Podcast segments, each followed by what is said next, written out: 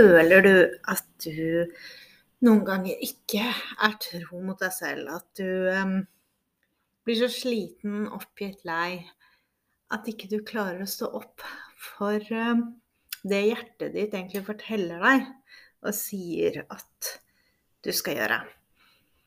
Eh, denne episoden av Jeg reiser meg og går, podkasten der jeg snakker om vold i nære relasjoner, hvordan vi kommer oss videre den skal handle litt om det.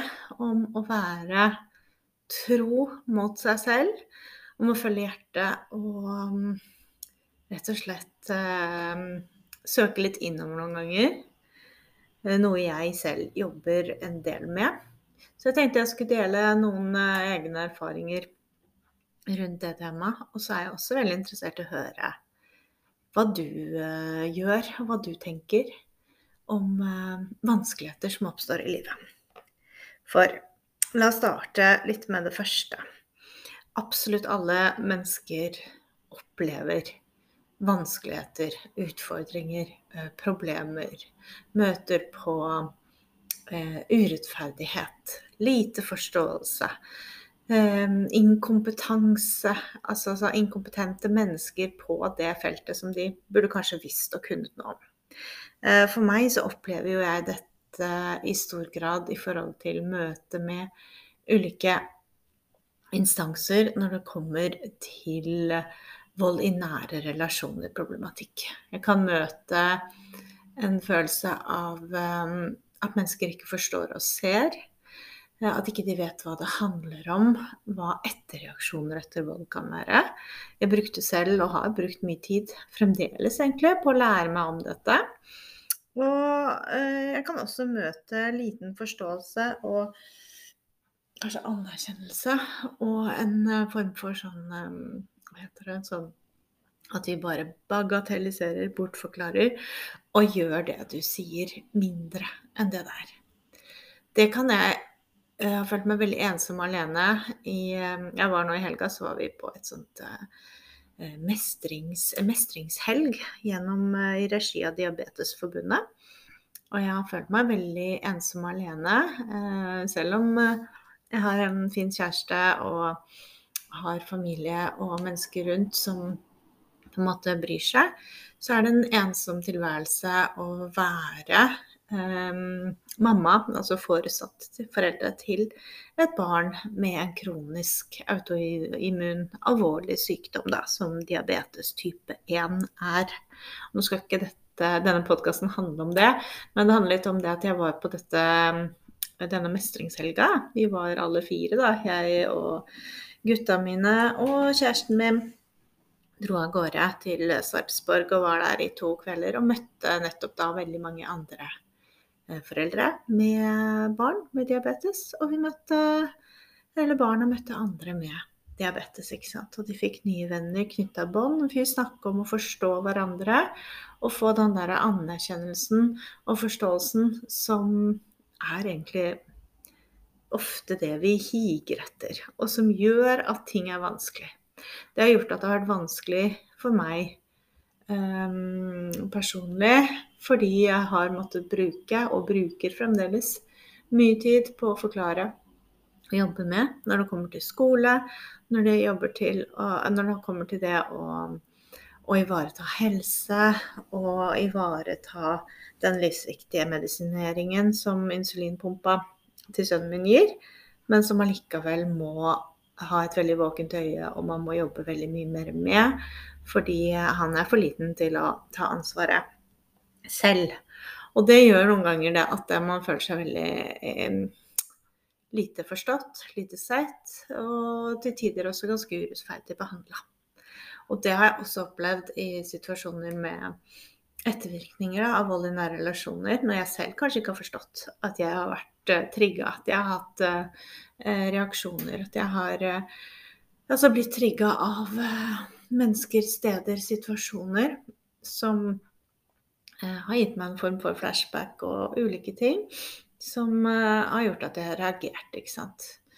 Um, det som er så viktig uansett hva vi møter av sånne utfordringer og vanskeligheter, om det er um, sykdom, eller om det er det å bli forstått, uh, møte forståelse uh, hos skole f.eks.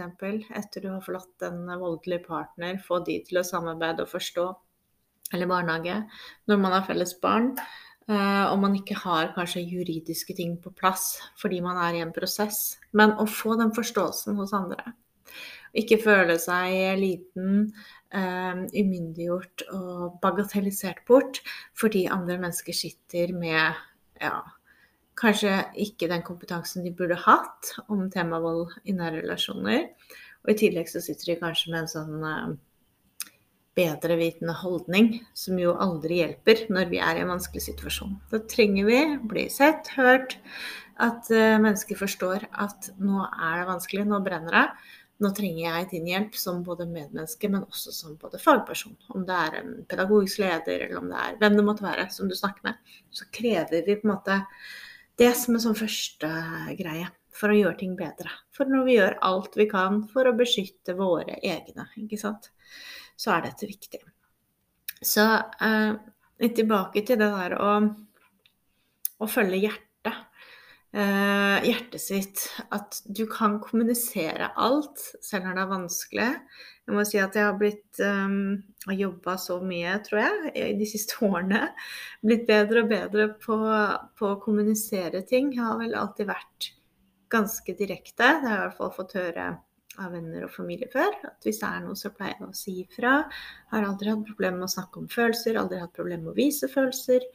Um, men jeg har blitt bedre på å formidle det jeg ønsker, men fra hjertet. Da får man også en, um, en, et bedre sånn gjenhør hos andre. For hvis de skjønner at jeg forteller at jeg som mamma blir fortvila, jeg som forelder kan ikke se på at sønnen min har det sånn, som, altså Hvis de får den hva hvis det hadde vært deg, og jeg klarer å formidle det på den måten at de forstår, selv om de kanskje ikke har mulighet til å forstå eh, absolutt eh, alt, og alt ikke er nødvendig heller å forstå. Men så er det noe med å formidle det ærlig, så ærlig som det er, uten å legge noe greier imellom. Men med tanken om at um, det jeg sier nå, dette kommer fra et sted av dyp smerte, fortvilelse, vanskeligheter. Men jeg forventer at du på en måte ser meg og forstår det, og at vi tar den samtalen videre derfra. Det er så viktig å ha en, en tanke rundt det. At det jeg sier, er en ekte kommunikasjon, da. Det er ikke en kommunikasjon som um, er halvveis. Jeg er direkte. Jeg sier det fordi dette skader meg, dette skader min familie, dette skader de og de. Fordi dere ikke har gjort den jobben deres. Så er det veldig ofte at folk går i forsvar hvis man angriper. Men hvis du starter med den derre 'dette opplever jeg', og forteller den oppriktige følelsen av smerte og fortvilelse du har, så er det også lettere å få mennesker til å kanskje se din side av saken og forstå. Så å ektefølt kommunisere det man mm, det man trenger å kommunisere for å kanskje oppnå noe. Eh, det er viktig. Og det er viktig for meg eh, å ikke, ikke skjule meg bak noen form for maske. Um, og ikke skjule meg bak noen form for jeg forventer at du skal forstå, men at jeg forteller deg hvordan jeg har det. Det oppleves i hvert fall veldig um, flott i en vanskelig situasjon at andre mennesker hører meg ut.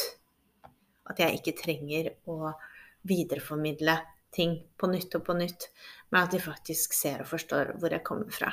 Og hvordan kan vi på en måte gjøre det på best uh, mulig måte?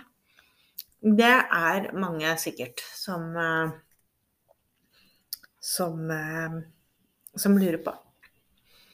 Og det er altså noe jeg lurer på noen ganger. Mm, jeg tror det handler om å egentlig ikke tenke så mye. Det betyr ikke at ikke du skal tenke, men, men hvordan har du det? Aksepter det. Hvordan føler du deg? Hva medfører dette her? Hva medfører det at du som fagperson på et eller annet vis, eller som medmenneske, eller som et eller annet, eller som mamma, eller whatever, ikke gjør det du skulle gjøre eller skal gjøre, har sagt du skal gjøre. Hvordan får det meg til å føle meg? Det føler jeg i hvert fall er en god um, kommunikasjonsstrategi.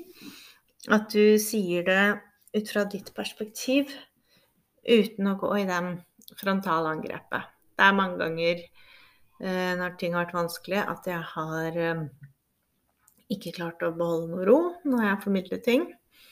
Jeg, blir, uh, jeg kan bli superstressa, hjertet banker og jeg blir liksom sinna inni meg. Så skal jeg sitte og formidle noe, og så tyr jeg rett til tårene, f.eks. For eksempel, fordi det er, det er, så tungt da, å vite at noe er vanskelig. Og særlig når det ikke gjelder meg, men når det gjelder sant, de man har nær. De kjæreste man eier, barna sine, f.eks. Er det noen ganger vanskelig å se at man ikke blir møtt med forståelse og aksept, særlig hos de personer som du tenker kanskje skulle gitt deg det meste. Men også der handler det om å si det som det er, men også å legge vekk det vi ikke trenger å bruke tid og energi på. Mm. Jeg har slutta i mer grad å tvære over ting. Jeg tar det med en gang. Er det noe som ikke funker, tar jeg det med en gang. Er det noe sånn system et eller annet som svarer tilbake og sier at vi kan ikke gjøre det før da, så tar jeg det likevel og sier vet du hva, det er så alvorlig sånn som det er nå, at det må dere faktisk prioritere. For ellers så blir det til et evigvarende problem som ikke slutter.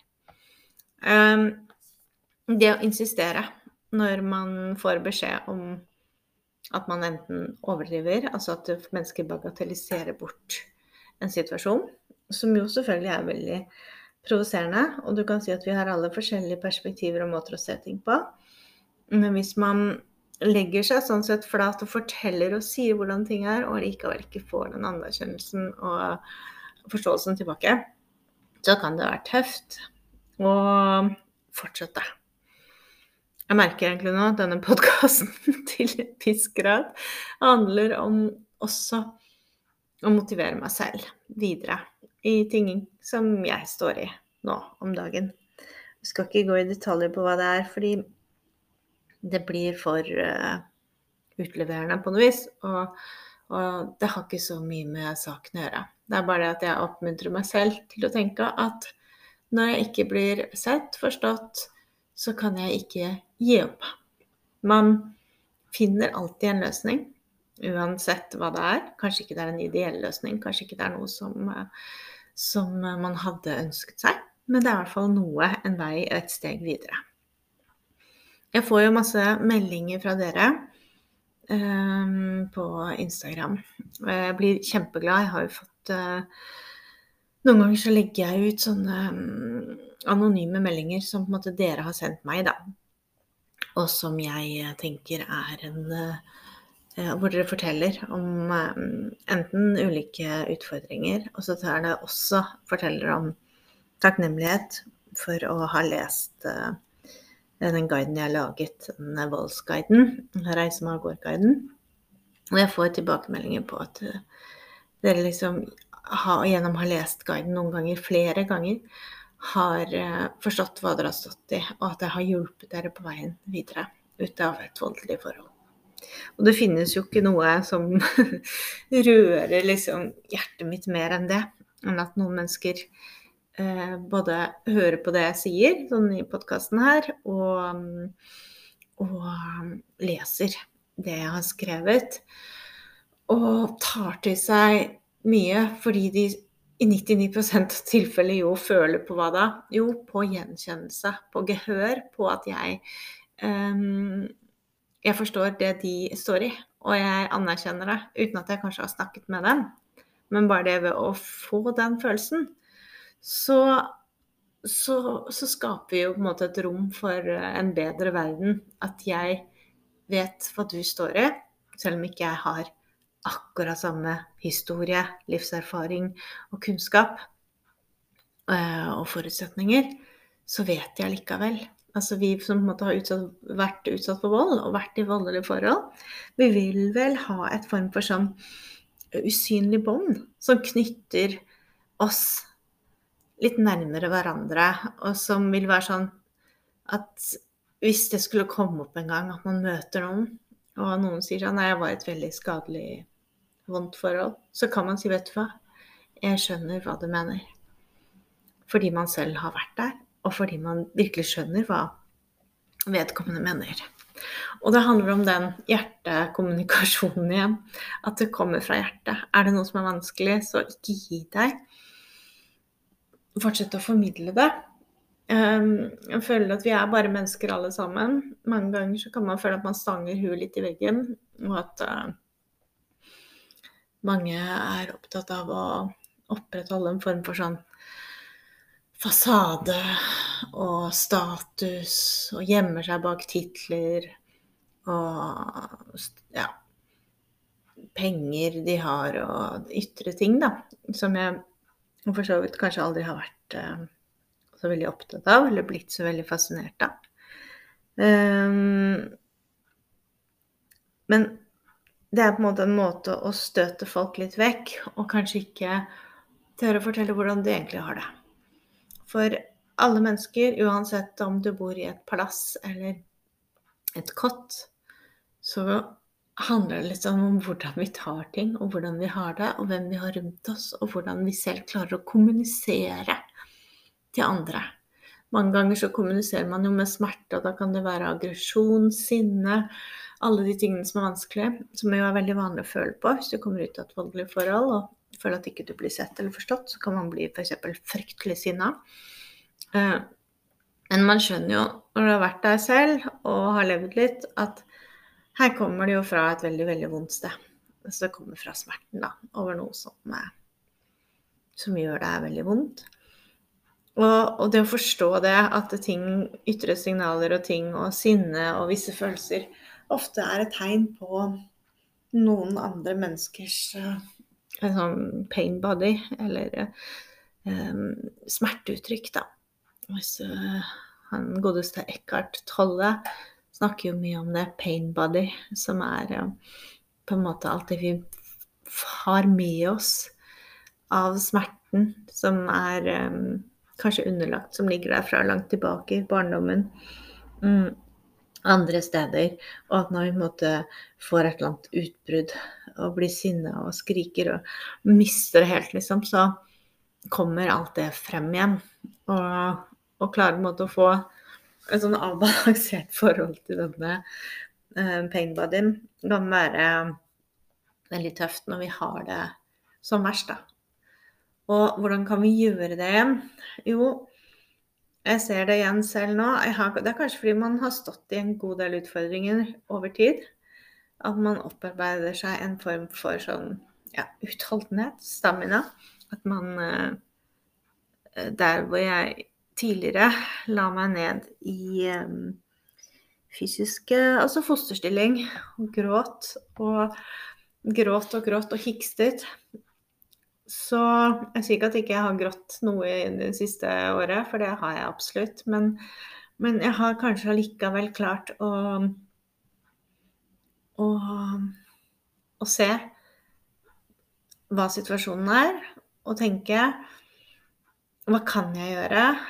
Og prøve å bedre den uh, på det man kan gjøre, rett og slett. Og la noe gå. Og så ta de kampene som er verdt å ta og når det kommer til vold i nære relasjoner, så er det alltid verdt å ta den kampen der og eh, komme seg ut av et voldelig forhold. Mm. Det er jo noen som noen ganger tenker at ja, men hva skjer etter volden? Det kommer til å bli så vanskelig og tøft at jeg kan ikke forlate det forholdet jeg er i. Hva skjer med barna? Hva skjer med meg? Hvordan eh, han kommer til å straffe meg? Mm, og det er nesten bedre at vi bare blir værende der vi er jeg kan skjønne den forsvarsmekanismen, eller en form for sånn mestringsstrategi, som veldig mange kan ha, og som kan være en form for sånn Jeg har det vondt, men jeg kan ikke gjøre noe med det. Men da går vi også rett inn i den rollen som blir en sånn Ja, jeg er født til å føle på smerte. Så du går inn i en sånn offerrolle til en viss grad. Som kan være både god og grusom og slitsom å føle på. Og som alle helt sikkert føler på innimellom. For vi er alle offer for noe eller noen i deler av livet. Og du kan alltid si selvfølgelig at et offer, et voldsoffer, et barn som har opplevd overgrep, vil jo alltid være et offer. ikke sant? Det er jo ikke noe tvil om. Det er, ikke, det er ikke den tingen jeg snakker om. Jeg snakker om mer å gå inn i offerrollen, som er eh, noe annet igjen. Det er mer det at eh, du selv som voksen erfarer at hele verden går imot deg. At du bare ser på alt som en spiral av uh, negativitet. Og at du er sikker på at dette er egenrettet rettet mot deg, da. Eh, ja, du skjønner sikkert hva jeg mener med offerrolle. Men ikke altså misforstå meg rett, da. Det er ikke eh, noen Altså de som er et offer for noe. Det er offer for en på en måte grusomheter som har skjedd deg i barndommen, som du ikke har kunnet kontrollere. Når andre mennesker tar kontrollen over deg. Og det samme også med å være utsatt for vold. Så er det også offer for at en person har forgrepet seg på deg i voksen alder, ikke sant. Da er du også et uh, offer, hvis du skal si det på den måten. Um, men å gå inn i den uh, motsatte rollen at du aldri ser hvordan du skal komme deg ut av det, at du forblir Det har absolutt vært i en sånn offerrolle, tror jeg. Jeg har tenkt at det er ingenting uh, jeg kan gjøre Eh, ting er så vanskelig. Jeg har vært sånn desperat, skrikende fortvila, hatt det fælt. I både form for eh, ja, ettervirkninger av, eh, av, vold og konkrete eh, utfordringer i familien, eh, som igjen også er følge av ettervirkninger av vold. Eh, da er det lett å gå inn i en sånn rolle, da, hvis du skal kalle det det. Men hvordan komme seg ut av det, hvordan handle, og hvordan ikke gi opp. Det er jo dette det her handler om, og hvordan snakke ektefølt fra hjertet. Det er jo det jeg prøver på hele tiden, egentlig at jeg gjør. Eh, både hvis jeg skriver og formidler noe, hvis jeg lager noe på Instagram, eller hvis jeg skriver en artikkel eller eh, ja, et innlegg om noe, så prøver jeg alltid å snakke fra hjertet. For det er ikke verdt noe hvis ikke vi snakker fra hjertet. Og ingen kan forstå deg og se deg hvis du faktisk eh, ikke snakker fra hjertet. Uh, yes. Nå, uh, apropos det, så har jeg på Jeg reiser meg pod uh, la ut delt noe av det som jeg har formidlet, da, som jeg gjerne ville få inn i en kronikk i en avis. Um, har fått inn flere kronikker i forhold til vold i nære relasjoner. Fikk jeg svar fra en debattredaktør som sendte meg videre til en annen debattredaktør. Men uavhengig om eh, denne teksten kommer med eller ikke, jeg fikk i hvert fall en hyggelig kommentar her hvor hun eh, skriver at det var sterkt. Takk for fint og sterkt innlegg. Det er veldig hyggelig. Men jeg skal sende den videre til en ny redaktør. Eh, jeg kan lese denne, avslutte denne podkasten med å rett og slett ha en liten opplesning av den kronikken. For får jeg den ikke med noe sted i en avis, så, så, har jeg i hvert fall lest den høyt opp. Nå eier jeg den selv, kan du si. Og det er også viktig.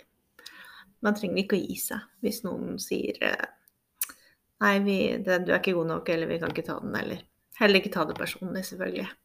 Men mm, her kommer den. Den handler selvfølgelig om vold i nære relasjoner. Mm, av den teksten heter 'De verdiløse kvinners klage'. Én av tre kvinner opplever vold i verden, og jeg snakker for og om dem. Kvinnene som føler seg verdiløse i samfunnet fordi deres trygghet ikke blir tatt på alvor. Jeg har veldig lyst til å anmelde for psykisk vold, men tør ikke, da jeg er redd for å gjøre vondt verre. Hadde vært enklere om man hadde blåmerker, sånn at alle så hva man gjennomgår. Den psykiske delen ser ingen. Slike meldinger får jeg daglig av kvinner som er alene, desperate, redde, og som ber om å bli trodd og sett. Jeg får også meldinger fra kvinner som har blåmerker, og som håper dette er bevis nok i en straffesak. Flere lurer på om de kan klare å få et normalt liv i fred med barna etter de har forlatt et voldelig forhold. Det skaper tillit å lage podkast om vold i nære relasjoner og dele av egne erfaringer for å spre kunnskap og håp. Det skaper samtidig mye frustrasjon fordi virkeligheten ikke er slik lover og handlingsplaner forteller oss at den skal være. For ja, vi har alle rett til å være trygge i våre hjem. Vi skal kunne slippe forfølgelse, vold og liv som går i knus pga. en sinna partner. Så hvorfor ber kvinnene jeg kjenner om at de skal få slippe å, se seg over skulderen på gata, bruke voldsalarm, ringe til barna for å sjekke at de er trygge, snakke med skole og barnehage om trusselsituasjonen, miste nattesøvn og bare overleve og faktisk begynne å leve? Disse kvinnene opplever å ikke bli tatt på alvor. De får ikke langsiktig beskyttelse fra voldsutøver de har forlatt, og de mister ofte kontrollen over eget liv. Det koster å være i konstant alarmberedskap.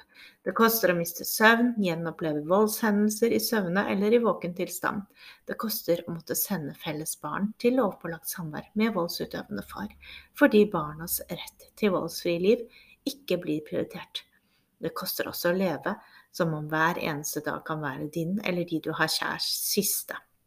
Jeg hadde ønsket jeg kunne sagt at ja, det holder de bevisene du har, dine ord, din evne til å beskytte barna, ja, politiet vil hjelpe deg. Jeg vet dessverre, av både egne og andres erfaring, at dette sjelden er tilfellet. Over halvparten av alle familievoldssaker henlegges uten engang å etterforskes. Bevis er ikke bevis verdt likevel, og mange timer på barne- og ungdomspsykiatriske kontorer, søvnløse netter for å trøste traumatiserte barn og påfølgende utmattelse fører til at svært mange kvinner faller utenfor arbeidslivet i lang tid. Mange får utskjelte i anførselstegn, diagnoser som ME og PTSD. Vold berører utsatte i lang tid. Selv har jeg opplevd å måtte kjempe for en flik av sikkerhet fra lovens lange arm, og fått vite at min sak er nedprioritert. Jeg har fått høre at den bare er å ringe 112 hvis det skulle være akutt, og har skjønt at jeg er en sak som politiet kun prioriterer hvis jeg er kald, blek og blitt en del av den statistikken som heter partnerdrap. Så hvorfor skal vi snakke så høyt om dette, og hvem står bak volden, spør du? Hvem er denne kjæresten, ektemannen, partneren, eksen? Jo, det er presten, barnevernslederen, den folkekjære artisten, voldsforskeren, mureren, advokaten, læreren, den arbeidsledige, dommeren, politikeren, ja, rett og slett alle. Tenk om verden hadde vært slik at bare man sa ifra, så ble man trodd. Staten som skal beskytte oss mot vold, tok oss på alvor. Klart alle tenker på din og barnas sikkerhet. Klart du skal få gå fritt rundt i byen du er oppvokst i, at du føler deg trygg, det er klart at den som utsetter deg for vold, skal ta støyten, ikke motsatt. Dr. Martin Luther King jr. hadde en drøm, det har jeg også. At henleggelser ikke lenger skjer, at vi ikke får høre at det ikke er en prioritert sak for politiet før du befinner deg kald og død med et bilde i avisa bak en tabloid overskrift. At partnerdrap, de varslede drapene, ikke foregår. Jeg hadde ønsket at man ikke har et avgrenset bilde av en som er og har vært utsatt for vold. Kvinne er sliten, nevrotisk, ute av stand til å snakke for seg. Jeg håper selv å bidra med å øke denne kunnskapen, slik at både politi, rettsvesen, helsevesen, skole og ja, alle kan få et mer nyansert og ærlig bilde av hva vold i nære relasjoner handler om. Det finnes for lite kunnskap om hva vold egentlig er, hvor vanlig vold i nære relasjoner er, hvordan vi kommer oss videre, og hva vi kan gjøre for å se og hjelpe hverandre. Jeg jobber med å få på plass et mestringssenter for voldsutsatte kvinner. Alle skal kunne finne tilbake til sin egen kraft og styrke. Men selv om et slikt senter skal bli virkelighet, løser ikke alle problemene vi møter hos politi og rettsvesen. I november i Oslo, bare noen dager før besøksforbudet som beskytter oss litt, utløper, skal vi møtes for første gang. Vi verdiløse kvinner i en selvhjelpsgruppe for å støtte hverandre. Vi har ikke flere liv å miste, vi har ikke mer tid å kaste bort. Vi tar saken i egne hender, vi som vet hva det betyr og vi er mange, vi er én av tre. Jokke sang om de verdiløse menn, men vi synger, roper ut om hva slags verdi vi voldssatte kvinner faktisk har. Vi er verdt mer enn en overskrift i media etter vår død. Yes, det var den. Og nå er faktisk podkasten straks ferdig. Jeg avslutter der, egentlig. Eh, takk for at du tok deg tid til å høre. Kommer tilbake med mer. Um, jeg håper dette ga noe mening. Det kommer i hvert fall fra hjertet, og det tror jeg er viktig i alt vi sier og gjør.